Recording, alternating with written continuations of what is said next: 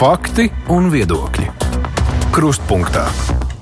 Studijā Mārija Ansone. Nākamā gada valsts budžeta projekts jau nonāca saimā. Likumi, lai sakārtotu partnerattiecību jautājumus, arī tur tiek skatīti un Stambulas konvencijas ratifikācijas likumprojekts ar atsaucu uz satvērsmi valdībā apstiprināts. Tik tālu viss notiek raiti, bet vai tā būs arī turpmāk? Par to mēs šodien spriedīsim kopā ar žurnālistiem, kā arī par citām nedēļas aktualitātēm, piemēram, par Reizeknas mēra atstādināšanu no amata. Par žurnālistiem, kuri piedalās mūsu diskusijā Romāns Mēļņiks, TV24. Sveiks, Romān! Laina Fedotova no portāla Delfi Plus. Labdien! Labdien. Uh, Mārs Antonevičs, Latvijas avīze. Sveicināti. Kopā ar mums un mans kolēģis Aits Tomsons uh, attālināti raidījums Krustpunktā. Sveiks, Aidi!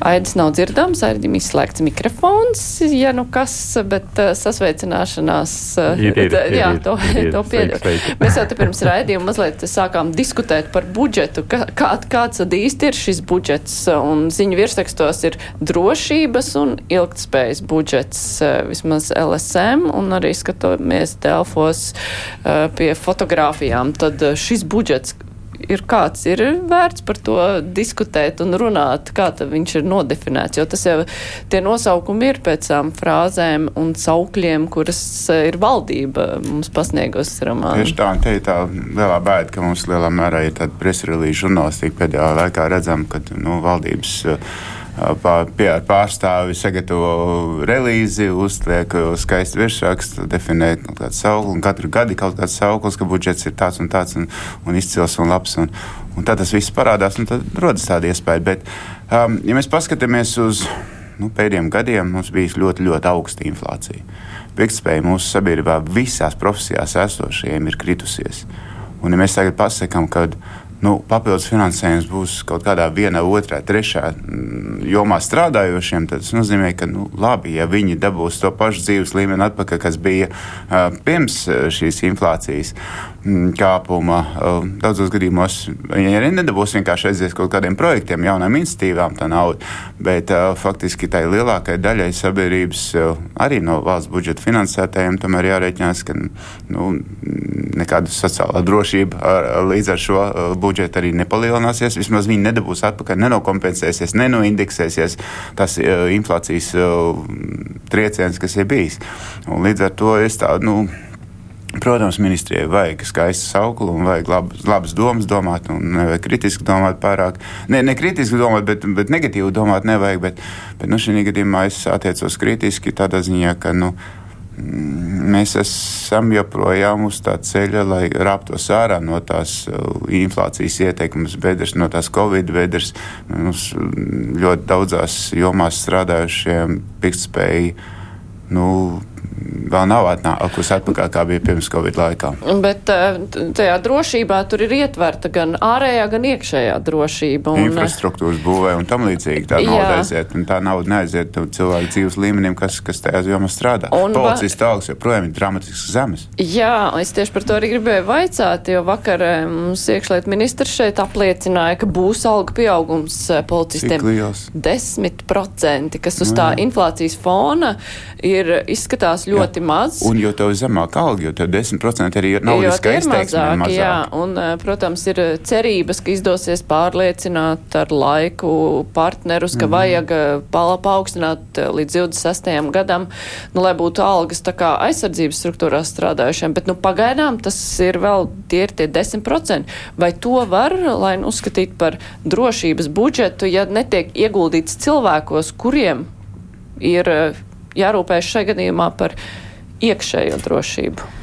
Man liekas, tas ir stāsts ne tikai par policistiem, tikpat ļoti arī par ugunsdzēsējiem glābējiem. Es Jā. pat esmu rakstījis par cilvēkiem, kas brauc 50 km uz darbu, un, un glābējiem ir jāstrādā vairākās darba vietās, lai, lai vispār varētu strādāt šajā profesijā. Cik tā ir ļoti sarežģīta politiska izšķiršanās starp to, kur ieguldīt līdzekļus. Bet viens ir skaidrs, ka gan, gan mediji, žurnālisti ir gadiem rakstījuši par to, cik kritiskā situācijā ir darba vietas, kurās policisti ikdienā strādā, cik kritisks ir piemēram šobrīd ugunsdzēsēju glābēju iztrūkums. Cik ļoti tas rada drošības sajūtu, es nezinu. Nu jā, jo vakar mums arī rakstīja cilvēki, ugunsdzēsēji, kuri piesaucos jaunos depo, kuri tiek celti, bet eh, kas tur strādās? Ugunsdzēsējs prasīja, kad man rakstīt atlūgumu tagad vai pagaidīt mazlietiņ. Iekšēt ministrs teica, nu, pāris gadus varbūt pagaidīt. Tas ir mierinājums. Pēc vēlēšanām līdz vēlēšanām. Nu, labi, par ārējo drošību runājot, eh, Māri, vai tev šķiet, ka nu, tur mums ir drošāka sajūta? Nē, nu, cik, tas, cik tas atkarīgs no aizsardzības budžeta finansējuma, tik, protams, tur ir tā virzība vienmēr bijusi palielināta. Man gan ir runā par drošību. Ja, nu, atgriežoties pie šiem vārdiem, apzīmējumiem, kā tiek apzīmēti skaistie vārdi, kā tiek apzīmēts budžets, lai pasniegtu, ka tas ir kaut kas labs. Nu, drošība tas ir, nu, protams, ir apmēram skaidrs, kas tur ir domāts, bet es atceros savulaik mums, tas bija pēc 2014. gada, kad arī mums šie drošības jautājumi kļuva tādi saspringti, nu, kas būs, kā mums, nu, kā mums aprūpēts. Un tad bija daudz visādu konferenču par, par drošību, drošību, un beigās tas viss tās konferences notika, visādas darba kārtības tika veidotas, un tas drošības jēdziens pamazām auga ar vienu, ar vienu plašāks. Un sāku, ja sākumā tur bija nu, tiešām kā sagatavoties militāri, NATO plāni, viss tam līdzīgi. Un tad beigās tur bija tā, nu, bet mums taču ir ekonomiskā drošība, mums ir satiksmes drošība, mums ir tur, nezinu, sociālā, sociālā drošība. Un tā tālāk, beigās visi runāsim par visu. Un tad vienu brīdi toreiz bija Raimons Vējons prezidents un organizēja konferenci, un tā konference bija par visu iespējamo, lai gan tēma bija drošība. Tāpēc, nu, tagad arī uz to budžetu skatoties, nu, protams, pateikt vienu vārdu un tad caur to skatīties, nu, dažādi var paskatīties. Bet kas man iekrita vēl viens vārds, ko tu neminēji, ilgspēja un, un, un, un drošība. Tad, Iekrita, ka vienu dienu, es nezinu, vai tas bija kaut kādā preses relīzē, varbūt tas bija Ašerādena, finanšu ministra Ašerādena izteikumos. Viņš lietoja vārdu atspēriena budžets. tad mums bija vakar interesanta saruna mūsu avīzes karikatūristu Gatu Šļūku, kurš arī, nu, tā kā domājot tēmas, mazliet bija pieķēries šim, šim atspērienam. Viņš saka, nu, tas tā kā atspēriens, tā kā ka tā, tālēcēja vai trīsoļlecēja lec vieglēti, kas stadionā viņiem tas atspēriena dēlīts. Ja viņš, viņš var uzmīt uz tā dēlīša, viņš viņam var pārkāpt pāri, bet viņš var arī kaut kur priekšā viņu nu, neuzkāpt, un tas lēciens tāds švaks sanāk. Tad viņš var pārkarst, var uzlikt, var, var, var, var, var, var, var tie mērķi var nepiepildīties, un, un tas jau ir jūtams, ka ka valdība virza, ka nu, šis būs tāds budžets, kurš pagaidām kaut kam mūs sagatavo, Un tad jau kaut kad būs kaut kas labāks, jau gaidiet nākamā gada. Jā, tur būs mazāks budžeta deficīts, varbūt vēl kaut kāda izaugsme, bet nu, šis tāds, tāds pagaidām, nu, pagaidu variants. Mēs tikko esam nonākuši jaunu valdību izveidojuši, nu tad kaut kas būs. Jo, nu, tā, tā varbūt arī acīm redzot jāvērtē. Nu, šis ir budžets, kas tapis kaut kādā valdības maiņas procesā, ko faktiski jaunā vienotība sagatavojas nevis visi partneri. Piedod, bet iepriekšējais budžets bija tāds pats. Faktiski tādi divi pagaidu budžeti, divi tehniskie budžeti pēc nu, kārtas. Vēl, vēl viena lieta, kas būtiska, ir nodokļu reforma. Skaidrs, ka viņi visu laiku tiek teikts, ka nu, tūlīt kaut kas būs, gaidiet, gatavojieties. Bet nu, tagad vēl tā nodokļu reforma nav iezīmēta. Ir kaut kādas izmaiņas nodokļos, bet Mūs gaida kaut kas nepatīkams. Un atkal vēsturē atskatoties, mēs atceramies, kā gāja Kučinskim ar nodokļu reformu. Viņi gan iz, izgāzās vēlēšanās pēc tam, kad viņi bija sareformējuši tā, ka. Nu, ja, un tagad, tagad, tagad ir vienotības pieejams. Gaida vēlēšanu tošanos, lai taisītu nodokļu reformu. Līdz vēlēšanām vēl saimnes vēlēšanām pat tālu. Tagad vēl tikai nu pat, nu pat sagaidīja. Un tad, tad, tad būs reforma. Un tad būs priekšvēlēšana laiks jau priekšvēlēšana gads. Uztais reformu, pēc tam cilvēks sāk sajust tos reformas augļus un, un vēlēšanas. Nu, pagaidām vēl tikai sagaidīju laiku, kad var sākt ne, atlaist nu, saimu. Kur tad skan, vēl? Tas, tas, tas, ka būs tā reforma. Nu, nevar, nevar tā tagad runāt, runāt, un tad neko netaisīt. Skaidrs, ka kaut kas tur būs. Jautājums, vai tas ne, nemaksās valdības, valdībai nebūs valdības krišana šī cena šai reformai, ja viņi sagatavos. Jā, Aidi, bet runājot par šo budžetu, nu, kā tev izskatās, vai tur ir kaut kas tāds, nu, ievērības cienīgs, kur mums teikt ir jāgaida, ka varbūt, nezinu, valdībai draud kādas briesmas, kas par kaut ko nevar vienoties, vai nu šeit ir vienkārši atrasts kaut kāds tāds uh, rāmais ceļš, nu, ka, nu, nekas īpašs, vienmēr sakot, pat, pat nav īsti par ko runāt. Nu, nekas īpašs nenāk prātā. Prasa. Bet, eh, vai, bet vai, vai tur ir kaut kas, nu, arī paskatoties, eh, nu, kā tās diskusijas visas notika, nu, ka viņiem tur kaut, kaut kur sanāks, kaut kur aizķerties, jo, eh, kad veidoja valdību, tad teica, nu, budžets, tas būs tas pārbaudījums, redzēs, vai tas budžets, vai tā valdība tiks galā ar to budžetu. Bet šajā gadījumā viss izskatās aizgāja ļoti gludi un viss ir kārtībā. Ai, nu, šis budžets tādā ziņā jau jāpiekrīt kolēģiem, viņš nav būtiski atšķirīgs no iepriekšējiem budžeta. Nu, tur jau tas pats princips vien ir bijis. Dalīta tā nauda pie esošās apmēram nodokļu sistēmas principiem, kā tas ir bijis līdz šim. Nu, tad jau pārējie visi diskusijas, jeb strīdi tikai kam iedot vairāk, kam mazāk. Nekas cits jau tur īsti nav.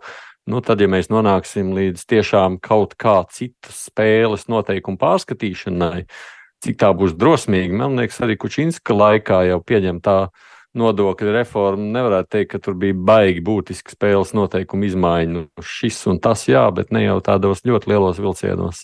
Līdz ar to ēna ekonomika tāda pati kā ir, tas budžeta lielums ir tāds pats kā ir, naudas ir par maz, tas ir skaidrs, jā, nu, tad dalām to, kas ir. Gan uz aizņemšanās, gan uz to, ko var iekasēt. Tur nekā cita nav, mēs ejam pagaidām pa tām pašām sliedēm. Viena maza lietiņa, par ko tas sanāca padiskutēt, bija tas eh, PVN um, svaigiem augļiem un dārziņiem. Tagad tas piecu gadu pieci gadi laikam bija termiņš, kad bija samazinātā likme būs pagājis. Bija doma vispār atteikties no tā, un tad cilvēki, kā vispār šausmas tagad, jo, teiksim, tas ir viens arguments, ka cenas nekritās, kā bija paredzēts, bet kāps jau droši vien, ka tāpat. Un, kāps, kāps, bet vēl viena lieta kāpēc to pazeminoto PVN liek, lai atbalstītu industriju, atbalstītu zemniekus, viņiem un pārstrādātājs. Šī gadījumā faktiski tik līdz ir augsts nodoklis, vairāk cilvēki motivēti tirgot tiešā veidā, bez nodokļiem, nevis oficiāli. Bet jautājums, kurš pārliecināja un ar ko pārliecināja? Un kāpēc tieši 12%? Tev ir skaidrs? Nu, tas ir kompromiss starp uh, lielu un mazu. Naudu vajag vairāk budžetā. Te pašā laikā, nu, tā, tik līdz pateica, ka mēs atteiksimies no pazeminātā PVN un liksim atpakaļ lielo PVN, tā protams, politiķi, kas tur ir priekšplānā, tam visam ir eh, nepopulāri. Nu, tad, tad tas kompromiss mēs dodam atlaidi, un tad var pasniegt kā jaunu, jaunu atlaidi, jaunu cenu zīmi, kā bija karikatūra arī. Man liekas, jūs ejat uzzīmēs, kad ir jauna, nē, tas bija zemes zaharāts. Tas bija zaharāts, jā, kad ir jauna atlaidi, faktiski nevis 5%, bet, bet 12%. Tā bija, tā bija komunikācija. Tā karikatūra atspoguļoja ļoti labi šo komunikāciju, kas ir, um, kad ministru prezidenta raksta sociālajos tīklos. Mēs ar apmēram samazinātu to likmi. Mums būs samazināta likme, lai gan patiesībā jūs paaugstināt likmi. Jā. Nu, nu, labi, nu, ja jūs paaugstināt, jā, nu, tad godīgi, nu, ko jūs tur tēlojat, kad kaut kāda samazinātā likme, ka visi saprot, tie, kas ir iesaistīti šajā nozares pārstāvjā, visi saprot, ka ir paaugstināta likme, nevis samazināta. Kāpēc uzsvērt šo samazināto likmi? Manuprāt, portāls LSM arī rakstīja, ka tas ir pārējais posms šie 12%, ka, ka tas plāns ir atgriezties pie 21%. Bet tas ir eh, tāpēc, nu, ka cilvēki bija satraukti, tāpēc, eh, tā teikt, eh, valdība piekāpjas. Nu, tad, ja viņi ir, viņiem ir skaidrs, ka tas nav liederīgi, nu, tad vajag palikt pie tā, pārliecināt cilvēkus. Kāpēc vajadzēja te, nu, kaut ko pa vidam? Vai tev ir skaidrs? Nu, Finanšu ministrija bija tā, kas teica, ka, ka, nu, ka šis samazinātais PVN nodoklis 5% apmērā, ka tas nav nesis to, ko viņi plānoja, ka nesīs. Ka, bet vien, tajā pašā laikā tas, kas nāk no šiem pašiem ražotājiem, ir nu, netika ņemts šajā analīzē, ko veids Finanšu ministrija, netika ņemts vērā tas, ka bija Covid pandēmija, tas, ka sākās karš, šie visi apstākļi ietekmē ražošanu. Un tad skatīties tikai uz šiem cipariem, cik, cik ļoti šī nozara attīstījās, neņemot vērā pandēmiju un karu, ir nedaudz atšķirīgi. Aidi, kā tev šeit varbūt šis būs tas jautājums, kur būs klupšanas akmens uh, izskatot budžetu, vai tas arī nebūs tas īstais? Es tev uzdodu tos sarežģītos prognozēšanas jautājumus, tāpēc, ka tu atrodies vis tālāk no mums. Nē, man neliekas, ka tur kaut kas šajā budžetā vajadzētu kļūt par klupšanas akmeni. Nu, galīgi nē, šī valdības koalīcija ir izveidojusies, man liekas, viņi par to jau ir vienojušies. Tur viss ir skaidrs, nu, kā koalīcija balsos par, opozīcija balsos pret. Es tur neredzu pats par sevi šī tāda diskusija, protams, ir. Man jau gribētos redzēt to kopējo ainu. Nu, man liekas, tādās žurnālistu sarunās un arī analītikā mēs taču esam cik gadu gadiem runājuši par to, ka kopumā jau gribētos pārskatīt, vai varētu to svaru kaustus pārlikt tomēr mazāk darba spēka, vairāk patēriņa nodoklis. Nu, un, ja uz to varētu kopumā skatīties, tad jau tur būtu jēga. Kaut kas jau notika Kučīnas reformas laikā, kā es teicu, bet es nevaru sacīt, ka tur bija baigā revolūcija, manuprāt vajag, nevajag, var, nevajag. Nu, es, tas jau saprotu, tas arī būs tas diskusija jautājums. Tad man šķiet tā saruna interesanta. Šobrīd šī ir tikai tāda. Nu, protams, ka tā ir tāda popu, nu, nu, centieni kaut kādā veidā pasniegt labākā gaismā nepopulārs lēmums, kā citādi.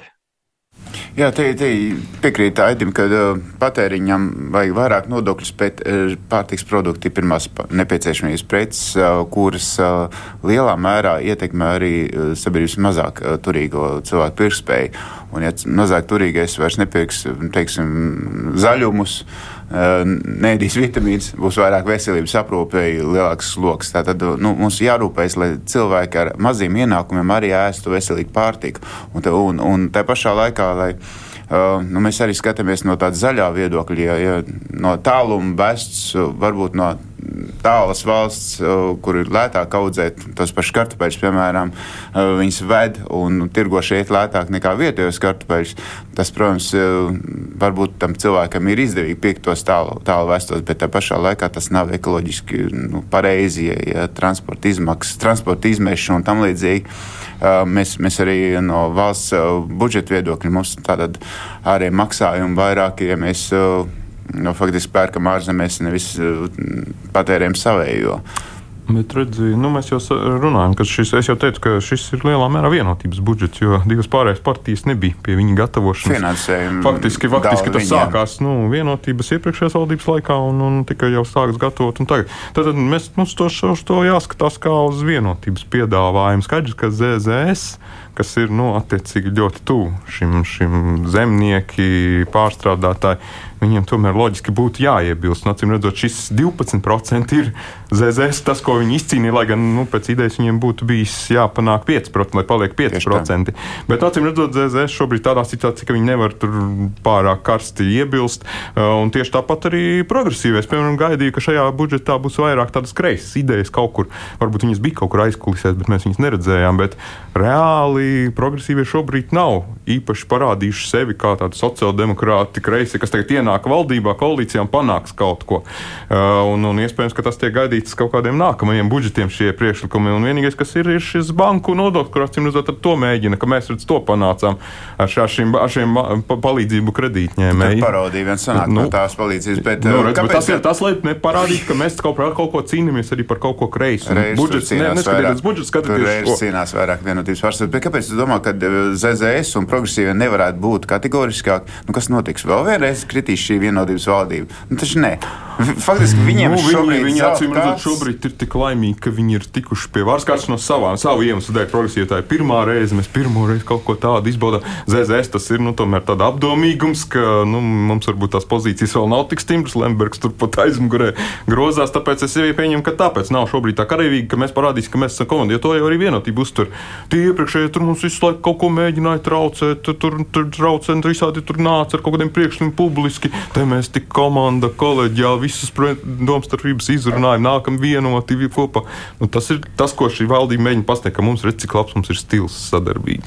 Bet, uh, jā, lai... es, es tikai par to komunikāciju gribēju piebilst, kur minēja, ka šeit 12% ir samazinātā, uh, no, no samazinātā nodokļa daļa.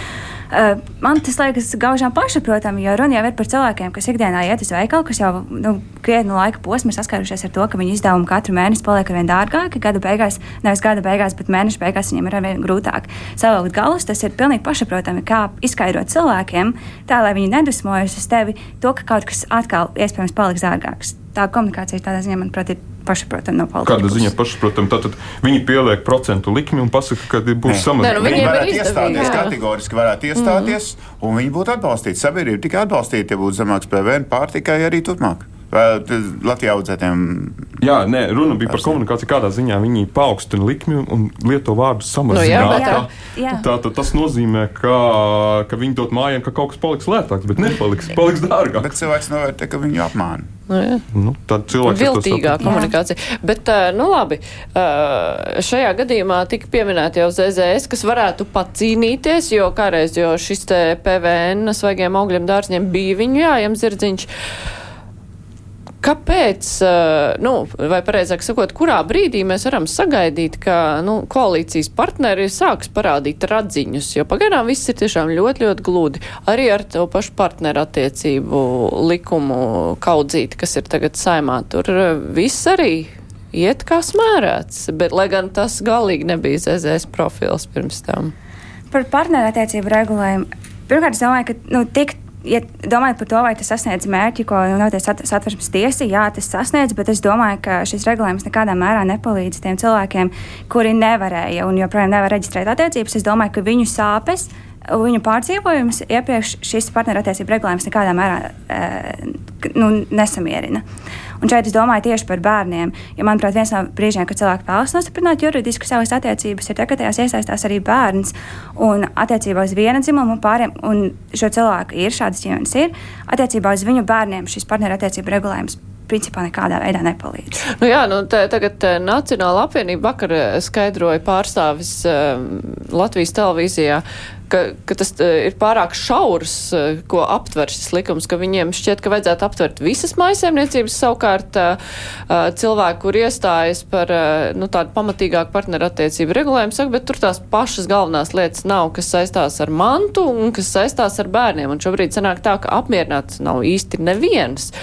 Tad, kāpēc šāds kompromiss ir, kam tas īsti ir vajadzīgs? Vai tas ir arī domāts, nu, ka mēs sākam ar kaut ko un tad tālāk lēnām? E, ministra prezidenta Evika Siliņa intervijā Delfa teica, ka šis ir sākums un ka, principā, viņa, kas izrietēja no viņas teiktā, ka tuvākajā nākotnē plašākas diskusijas nav gaidāmas. Um, nu, šis bija tas kompromiss, ko varēja, pie kā varēja nonākt. Tālāk, nu, tev tuvā nākotnē arī par to nerunās. Es domāju, ka šis ir vienkārši nu, brīdis, kurā var teikt, ka mēs apmierinājām satversmes tiesas noteiktos uh, uzdevumus, ka tie ir izpildīti. Aidi, kā tev šķiet, vai šis kompromiss, par kuru īsti nav laimīgs tagad neviens, nu, bet no otras puses valdība var teikt, ka mēs izpildījām to, ko mēs solījām. ZZS arī var teikt, ka mēs nekādas tur beigās sarkanās līnijas nesam pārkāpuši. Nu, progresīvie viņi noteikti gribēja vairāk, bet, nu, vismaz var teikt, ka, nu, vismaz kaut kas ir. Nu. Nu, jā, nu, protams, ka tas ir kompromiss. Tādā ziņā jau ir skaidrs. No otras puses, gan jau tajā politiskajā diskursā mēs domājam, tiks izmantots abas puses. Tajā noteikti ir īpaši no kritiskās puses tie, kas nav apmierināti ar jebkuru virzību šajā virzienā. Tā kā tāds jau arī būs.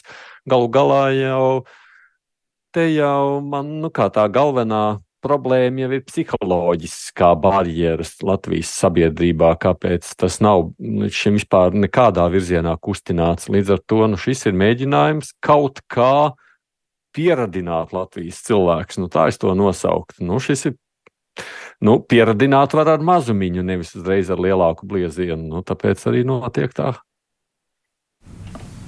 Izdosies pieredzināt? Uh, nē, uh, redz, te ir tā lieta, ka šis ir tāds kart, kā karstais kartupēls, ko politiķi ir ieinteresēti mētāt viens no viena uz otru rokām, un, un lai tas kartupēls visu laiku ir karsts. Un tas ir kā seriāls ar tūkstošu sērijām. Faktiski viena puse ir ieinteresēta ilgstoši cīnīties par, otra ilgstoši cīnīties pret, un tik līdz to jautājumu noņem no dienas kārtības vienkārši pieņemot nu, vairs nav tā uh, spēles argumenta, ar kur tu spēles uh, satura, ar kur tu vari ilgstoši mobilizēt savus vēlētājus, uh, ilgstoši rādīt sevi dažādos medijos. Un, un līdz ar to es domāju, ka ar šo vienu nebeigsies nekas.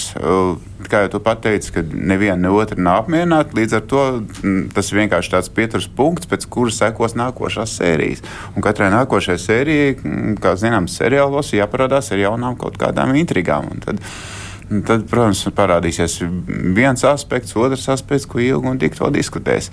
Um, ja tā, nu, Ja Bet šo grib tagad pieiet, pieņemt uh, steidzamības kārtā šo, un tad arī formāli dažiem... tas būs atrisināts, tas jautājums par satversmes tiesu, bet tas neatrisina jautājumu pēc būtības. Un līdz ar to varēs celt atkal par tiem bērniem, par tiem īpašumiem, par, par laulību, nelaulību, par uh, attiecībām starp dažādiem cilvēkiem. Uh, Līdz ar to tas viss ir turpinājumos un turpinājumos paredzams.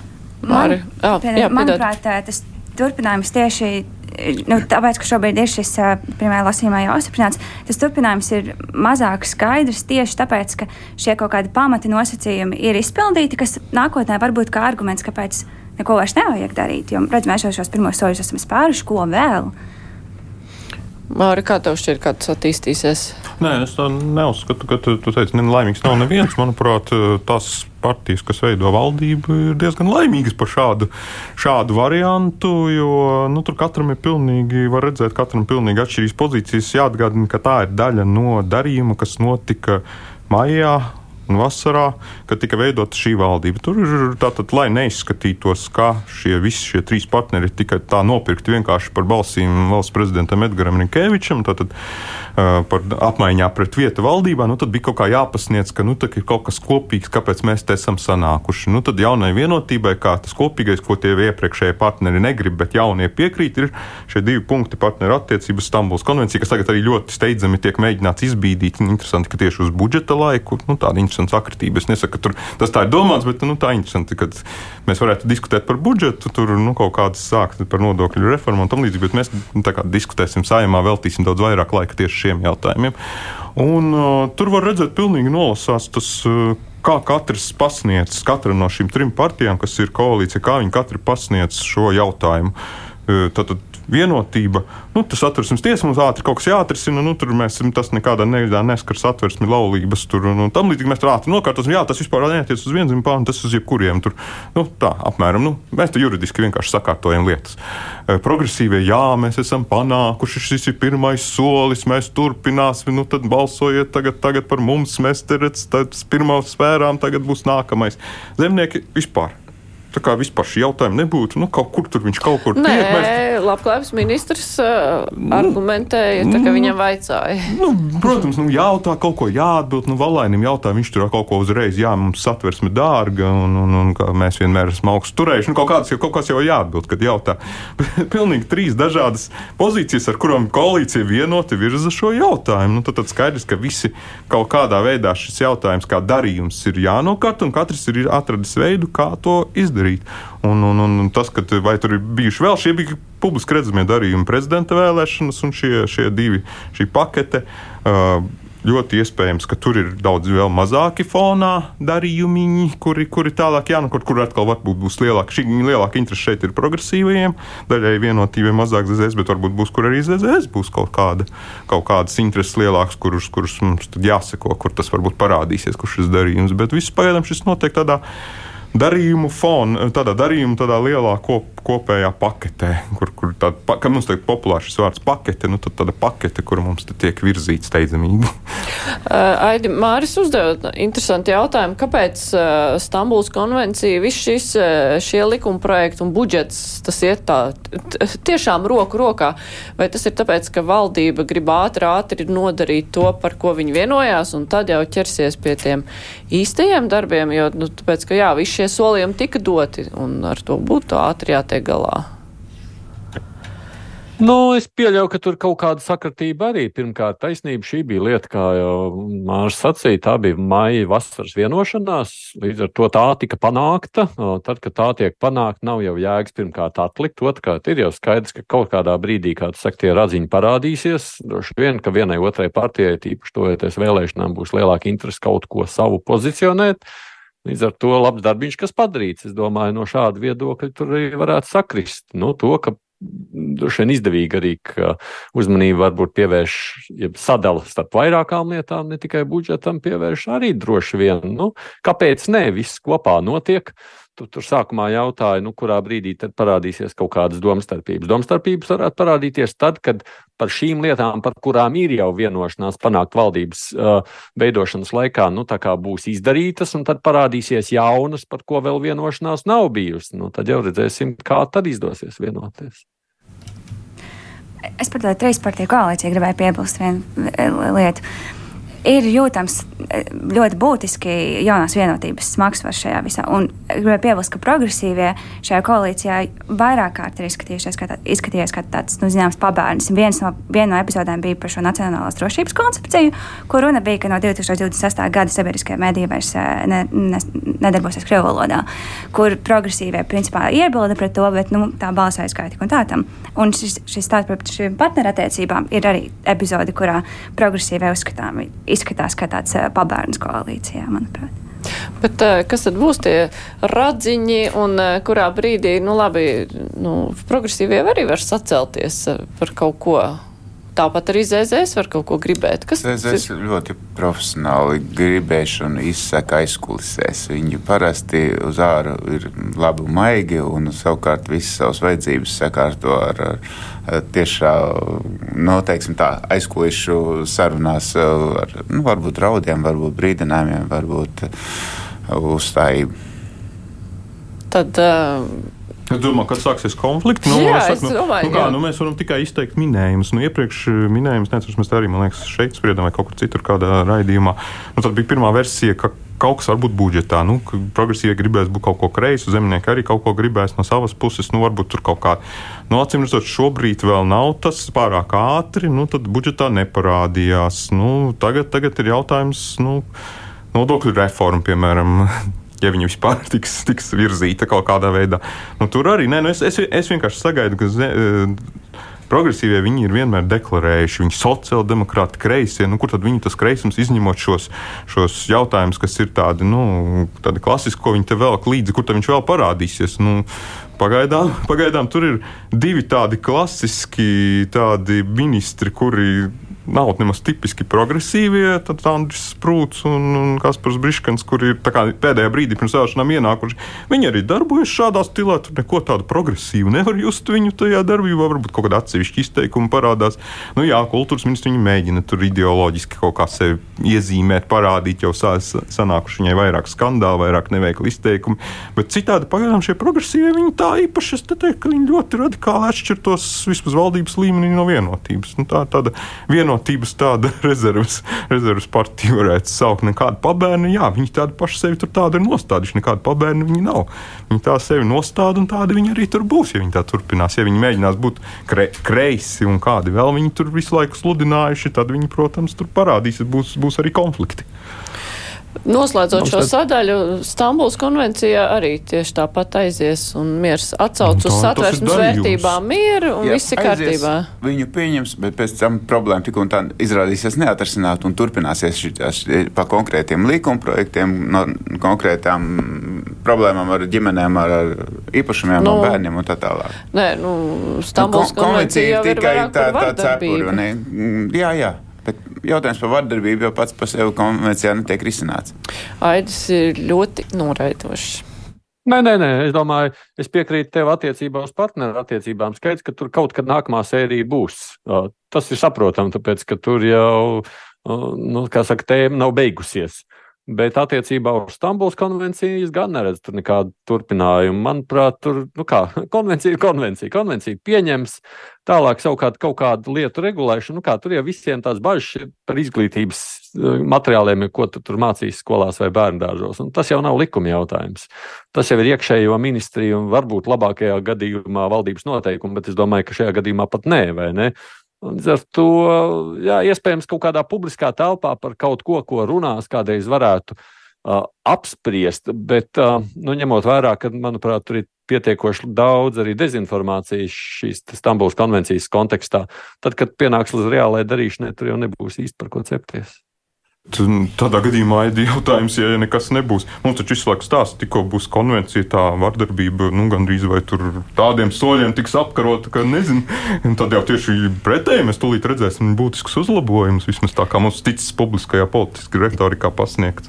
Nē, nu, Aidis, cik es sapratu, Aidis, ka nebūs nu, tie dramatiskie Nu, pavērsieni, ka sievietes ies tā, tā, vīriešu tā uzrāviena un tam līdzīgi. vardarbības apkarošana, ka tā ir visa bijusi politiskā reto- retorika, ideoloģiskā cīņa no abām pusēm.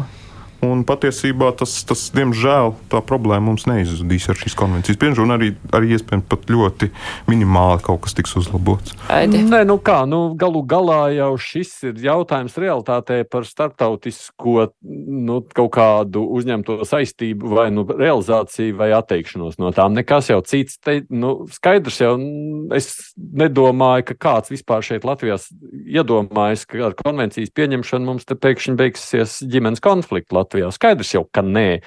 Konvencija vispār It īpaši ja runājam par kaut kādu skolas programmā, audzināšanu un ideju par vīriešu un sieviešu vienlīdzību, ko īstenībā nu, šī konvencija lielā mērā nes un kas tur aizto domu, uh, strīds visā publiskajā telpā. Tad šis jau pat nav gada desmit jautājums. Tas ir vairāku desmitgažu jautājums, ja mēs skatāmies no tāda, lūkojamies no tāda skatu punkta. Līdz ar to, protams, ka nekas būtiski nemainīsies. Šādā ziņā jau nemainīsies. Bet vienkārši konvencija būs ratificēta, tur nebūs vairs par ko cepties, un tas pazudīs no dienas kārtības. Es uh, do, vēl gribēju piebilst, ka pēc tam, kad uh, konvencija ir ratificēta, pa, es pastāvu bāžas, ka šie statistikas dati par vardarbību pret sievietēm un vardarbību ģimenē varētu pieaugt. Kas nu, varētu būt tas nākamais cepiena temats, es pieļauju. Bet es zinu, ka Zviedrijas pieredze rāda, ka, tas, ka viņiem, piemēram, tā ir noticis, bet viņi to skaidro ar to, ka vienkārši pēc konvencijas ratificēšanas ir parādījušies instrumenti, kas labāk nu, atklāja statistiku, parāda šos gadījumus. Līdz ar to tur ir, man liekas, viens no nākamajiem tādiem diskusijas tematiem varētu būt ar to, ka vardarbība pat pieaug pēc ratificēšanas. Nu jā, bet uh, saistības starp uh, konvencijas ratificēšanu un vardarbības pieaugumu faktisko, nu, tu jau katrs saprot, ka ne jau tāpēc, ka ir konvencija, nu, pagāj, kāds pagāj, sāk sist tad, ģimenē tad, savu tad, kad mums nu, kādreiz, kādreiz, kādreiz skandāls gadījums, tad mums uzreiz ir pilns ar politiķu paziņojumiem, teiks atbalstu šo konvenciju. Un mums nav ratificēta konvencija un notiek šādas lietas. Nu, tas taču, taču neesi dzirdējis katru reizi, kad ir gadījums tā un mēs vēl negribam ratificēt konvenciju. Nu, tā, kā, tā kā tas, tā retorika tāda ir uzturēta. Nu, kad, Nu, būs, ir ratificēts un viss uzlabos. Jā. Nu jā, nu parunāt vienmēr varēs. Labi, e, es atgādināšu mūsu klausītājiem, ka šodien Mārs Antonevičs no Latvijas avīzes ir mūsu studijā, Laina Fedotova no Delfi Plus, Romāns Meļņiks no TV24 un Aidis Tomsons no Raidījuma Kruspunktā, un mēs tūlīt turpināsim sarunu. Iesim uz Rēzekni. Raidījums Krustpunktā. Jā, Rēzeknes mēra atstādināšana. Nu, tas jau bija gaidāms. Ministre jau stājoties amatā, nu, teica, ka jā, nu, protams, tur tika dokumenti kārtīgi kārtoti, tur ir ļoti liels garš pamatojums. Pagaidām nav lēmuma par to, ka varētu arī doma atstādināt, tur gaida valsts kontrolas ziņojumu. Bet tā doma, cik es vakar skatījos panorāmā, nemaz pat netaisījās. Īpaši no Bartševiča koalīcijas partneri nākt uz sēdi. Viņi paši grib, lai viņus atlaiž. Diez vai, jo viņiem ir mazākas iespējas, varbūt nākotnē, tad atkal no jauniem ievēlētiem būt. Jā, kāpēc? Es domāju, ka ja viņi ir Nu, jā, nu, no vienas puses varētu domāt, ka tie vēlētāji sapratīs, ka tā ir viņu iespēja atkal atjaunot uh, līdzinējo varu un tad pārvēlēt viņus no jauna, un tad būtu, uh, kas saka, pārapstiprināti. Bet no otras puses, nu, tomēr mm, nu, riski ir. Riski ir ar vēlēšanām. Bet vai tā, nu, teiksim tā, nu, ministra arī tā ļoti nesteidzās ar šo lēmumu pieņemšanu. Tas viss tā ļoti izsvērt, un arī to domas atlaišanu nesteidzās. Nu, vai tas vārds. nav saistīts eh, tieši ar to, ka varbūt negrib tās ārkārtas vēlēšanas, jo mēs jau par to, kāds varētu būt vēlēšana iznākums, eh, Rēzeknē nevaram ne par ko garantēt. Vai ne? Pirmā, man liekas, es mēdījos redzēju, ka, ka Reizeknas mērs ir ga gatavs pārsūdzēt šo lēmumu, ko viņa apstādina amatu. Tas bija viens. Uh, un, uh, Kāds bija otrs jautājums, ko jūs jautājat? Par, par domas atlaišanu, par to, nu, teiksim, ja būtu ārkārtas vēlēšanas, vai varbūt, nu, teiksim, tā konkurenti varbūt uh, uztraucās par to, ka viņiem nemaz varētu neveikties tik labi, jo tagad uh, Barčevičs būs hm. cietējis, Jā. sliktā vara viņu. Jā, viņš bija pie varas 14 gadus, un, manuprāt, daļai no Reizeknas iedzīvotājiem viņu acu priekšā viss, kas ir not, nu, ļoti daudz lietas, kas reizeknē ir notikušas, ir nu, tādas, nu, kā, tādas milzīgas labas lietas. Spāņu centrs gandrīz izbūvēts, vienīgais, nu, nav kas tur strādā. Viņam tur bija gar, gar upe arī šis veloceliņš, tāds grandiozi izbūvēts. Tad tas cilvēkam, kas ikdienā neinteresēs par politiku, tās ir brīnišķīgas lietas, kas viņa pilsētā ir notikušas. Es domāju, ka tur ir pamatotas bāžas par, par aizsardzību. Un tas, ka viņš ir bijis pie varas 14 gadus, viņš ir, viņam ir lojāli cilvēki. Māri. Um, Kā tev šķiet, jā, vai kam ir izdevīgāka domas atlaišana? Bartševičam man liekas, vai? Tur, tur es tagad tā, tā domāju, tur, tur ir diezgan daudz variantu patiesībā. Nu, man, man pēc ienāca uzreiz prātā stāsts par Nilu Ušakovu un Rīgas domu. Nu, tur arī bija stāsts, ka viņi varētu atstādināt, ka varētu domi atlaist. Neviens ne, ne, ne no šiem scenārijiem īsti nepiepildījās, jo Ušakovs pats aizlaidās uz Briseli, tad Eiropa vēlēšanas. Tagad domāju, kāpēc gan Bartaševičs pilsētā problēmas, zin, kādam uzgrūst uz šo problēmu brīdi. Nu, lai galu galā viņš arī vēlāk var mēģināt atgriezties. Iekas. Un, piemēram, vai nu uz Eiroparlamentu vai uz saimnes vēlēšanām drīzāk gatavoties. Tur kaut kāda vietējā, kaut kāda valsts iecelta, varam iecelt administrācija, tur risinās tās problēmas un mocīsies ar neapmierinātajiem iedzīvotājiem, neapmierinātajiem sociālajiem darbiniekiem, vispārējiem, kam tur ir algu problēmas, tam līdzīgi jārisina. Un, un tas, ka vakar tiešām viņi neieradās uz šo šo, šo sēdi un parādīja, deva mājienu, ka viņus, kā, nu, ja viņi vairākas reizes tā dara un kvorum nevar savākt, nu, skaidrs, ka jāatlaiž. Savulaik arī Rīgas doma pēc Ušakova tālāk jau paši, paši, paši, pašas laidās, nevis atlaida. Tur vairākas reizes nesanāca vienkārši sēdes.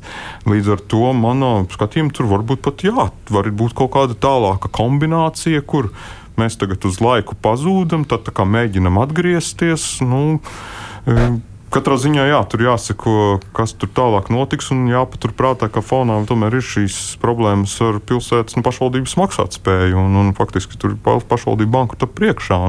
Tas jau vairs nav tikai vienas pašvaldības un vienas pilsētas vai viena mēra problēma. Tas ir jau valsts kā līmenī. Ja viena, no, viena pilsēta, valsts pilsēta ir novesta tādā līmenī.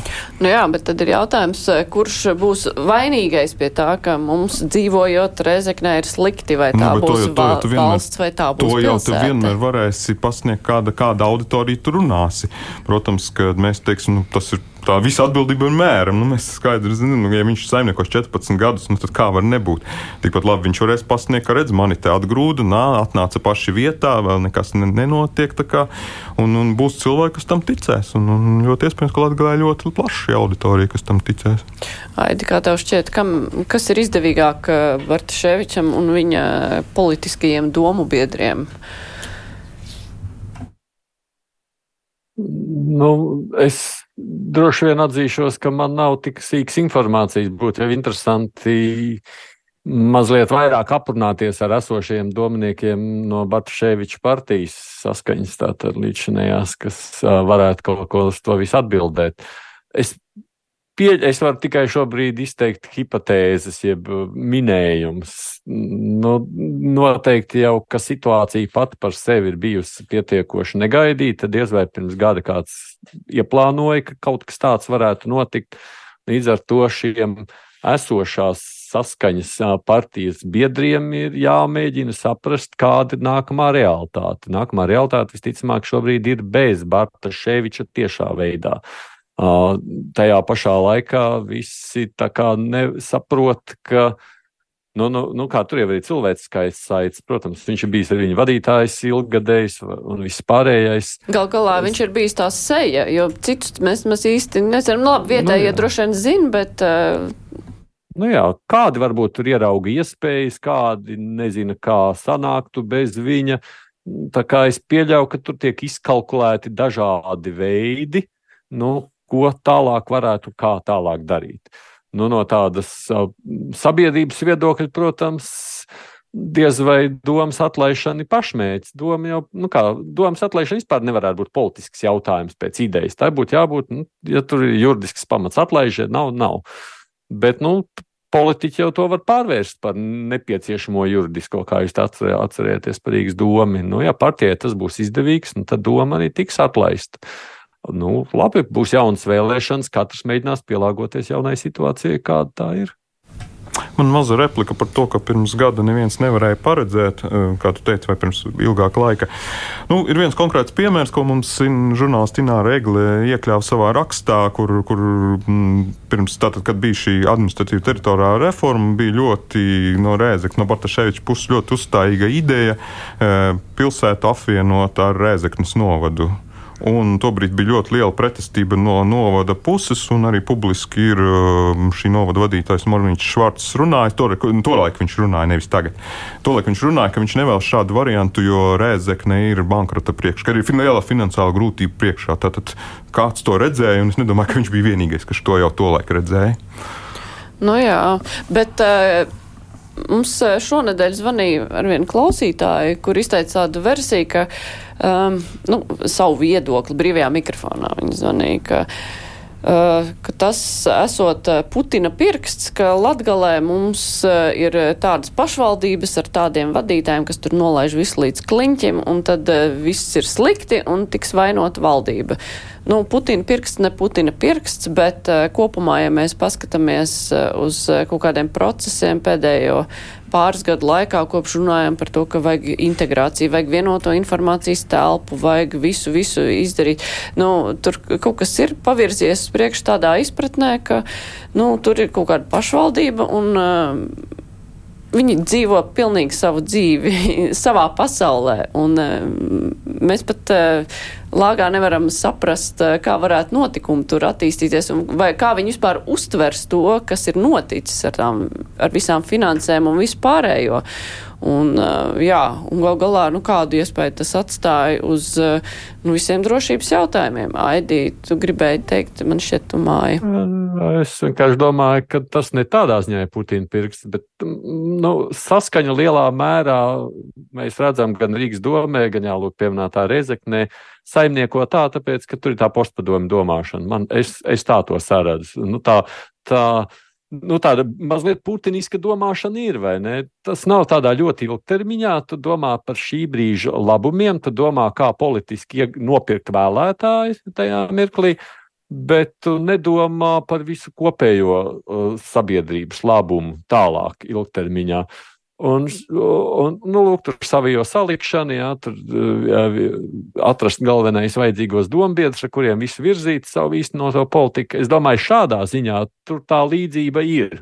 Bet ne tāpēc, ka Putins būtu līdz tā rīkoties Ušakovam vai Bartaševičam, bet nu mazliet uz vienu, piedod, šlaku tas velk. Uz vienu viļņu. Nē, nu jārēķinās, ka atklāja ir ļoti daudz, nu, kas saka, tā dēvēto krievlodīgu, kas ir, man liekas, nepareizs uh, termins, bet nu, ar to mēs saprotam cilvēks, kas nebalso par latviešu partijām, latviskajām partijām. Un kas nelasa un, informāciju nedzīvo, latviešu valodā. Nedzīvo latviskajā informatīvā telpā. Protams, viņi balsos par savējiem. Uh, To mēs redzam Dārgopilī, to mēs redzam arī Reizeknē. Jautājums, kas notiek tagad pēc saskaņas uh, faktiskā sabrukuma, vai viņi spēs mobilizēt, kas notiktu tad, ja Bartaševičs nepiedalītos vēlēšanās, ja nedrīkstētu piedalīties vēlēšanās, vai šī organizācija, uh, viņa vadītāja vai pārstāvētā spētu savākt pietiekoši balsu, lai, lai atkal turpinātu būt pie varas. Nu, tas, ir, tas, ir, tas ir sverams, tas ir vērtāms. Es par Reizeknas mērķi tikai gribēju pieminēt, ka to, ka uh, Viņš, tas bija šogad, kad bija saskaņā kongresa, viņš gribēja augstāku amatu saskaņas valdē. Tieši tajā brīdī arī notika atšķelšanās no saskaņas, kad viņš eh, izveidoja šo politisko spēku kopā Latvijā, ja tā pareizi saku, jo nebija vienots redzējums starp saskaņu un viņu par to, kā komunicēt par kāru Ukrainā. Tas bija tas iemesls toreiz, kāpēc viņam nevarēja piešķirt augstāku amatu. Es neatceros precīzi, kā tas bija un kāpēc viņš atšķēlās no saskaņas. Mm, tas arī ir būtisks uh, jā, faktors. Jā, tas ir atšķausies. Jā. Jā. Kaut kāda cilvēka daļa, kas palikusi, ir tomēr saskaņējuši mm. tajā pašā reizes nodā. Jā, bet Mums ir palikušas dažas minūtes. Bija viens jautājums, ko gribējās mazliet plašāk, bet uh, droši vien, ka varēsim tikai iezīmēt īsi problemātiku par to alkohola diskusiju, kas teit ir sākusies. Nu, parādījās priekšlikums par alkoholu no 20 gadiem, bet kā parasti vienmēr, nu, tur, kur ir skara šāda veida preces, uh, vai tā būtu tabaka vai alkohols, kur ir daudz liela nauda iesaistīta apakšā, tur noteikti tāda liela. Uh, diskutēšana. Tas varētu izvērsties par kaut kādu villošanos saimā. Mārī, kādā šķiet? Mm, nē, nu, kur ir stiprs lobbyis, tur vienmēr ir kaut kāda. Uh, kaut, kāds, kaut kāda lielāka pretestība un tiek iesaistīti plašāki spēki. Nē, nu, skaidrs, ka alkoholisma problēma Latvijā ir un kaut kādi priekšlikumi, kaut kādas idejas jāapspriež, kā, kā pret to cīnīties. Vai tieši šie konkrētie, kas tur, es, es godīgi atzīšos, neesmu ļoti iedziļinājies detalizēti. Nu, tas skaļākais bija div, no 20 jā, gadiem. Nu, ja par 20 mm -hmm. gadiem, jā, nu, tas, bet tas varētu būt viens no tiem strīdīgajiem, jo nu, savulaik es atceros, ka tas bija sen, ja mēs diskutējām par par kaut kādu Zviedrijas politiku, arī kur jauniešiem tur stingri ierobežots un tam līdzīgi. Un tad bija mm, teikts, ka nu, cīnoties ar vienu problēmu, tu vari radīt citas, un šajā gadījumā tur bija kaut kādas vieglas narkotikas un arī stiprās narkotikas, kas, kas bija aizstājušas daudzos segmentos, un, un beigās tā problēma sanāca vēl lielāka un, un grūtāk novēršama nekā tas alkoholisms. Tā kā, nu, tur tādā ziņā arī, protams, jādomā, bet es nesaku, ka tas nav jādara vienkārši, nu, ka tas ir jāskata kaut kā kompleksi. Jā, no alkohola tā problēma ir, ka nu, tiek parasti teikts, ka skolēni dzer un nu, viņiem tie vecākie, nu, teiksim tā, vidusskolas 12. klasē varbūt 19 gadīgs jaunietis, kurš, kurš pilnīgi mierīgi var aiziet uz veikalu, 18 gadīgs aiziet uz veikalu nopirkt un tad apdzirdīt visus 17 gadīgos un, un vēl jaunākus. Un, un tas pats ar cigaretēm, tas pats ar dažādiem enerģijas dzērieniem. Līdz ar to ir loģiski, ka ir šis mm, rosinājums paaugstināt, tā pašā laikā nu, viņš, viņš nebūs kā tāda panacēja, jo jārēķinās, ka, nu, daudz, nu, piemēram, par smēķēšanu. Daudzos gadījumos visi ģimenes smēķē, un tas bērns automātiski smēķē. Viņam ir piekļūstamība, arī pieejamība tiem, tiem smēķiem un tam līdzīgi. Tāpat ar alkoholu. Ja tā ģimene dzer, nu, tad tā, tas bērns jau dzer no agras bērnības, un tur ar kādiem vecuma ierobežojumiem tu nevarēsi to ierobežot. Vienīgais ir skatīties, kādā veidā mazināt kā tādu dzeršanu.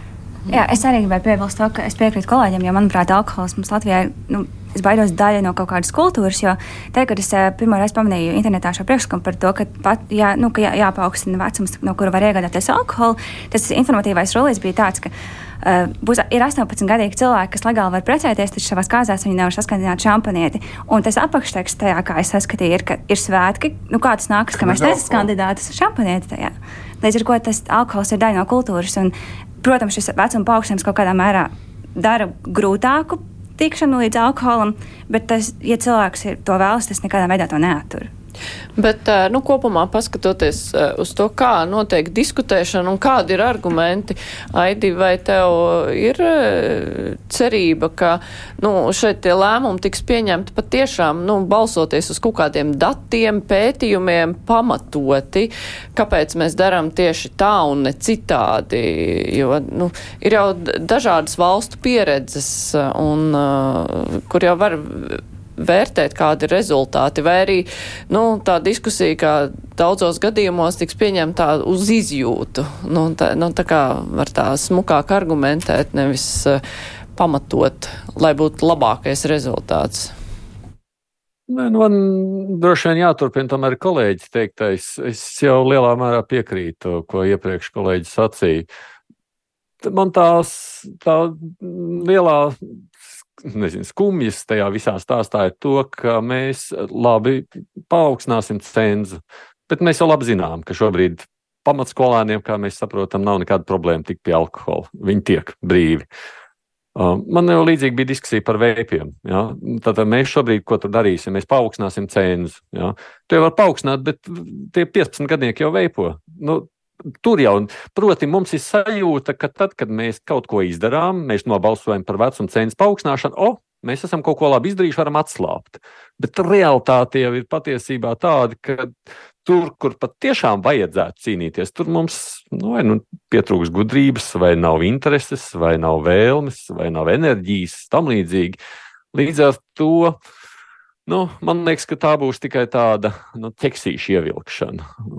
Pietrūkst jau pašas idejas. Man ļoti patika to, ko Laina tikko sacīja par to, ka redz, jā, mēs uztraucamies, ka kāzās nevarēs iedzert. Kāpēc kāzās jā, kāpēc vispār jādzer? Nu, kāpēc jādzer?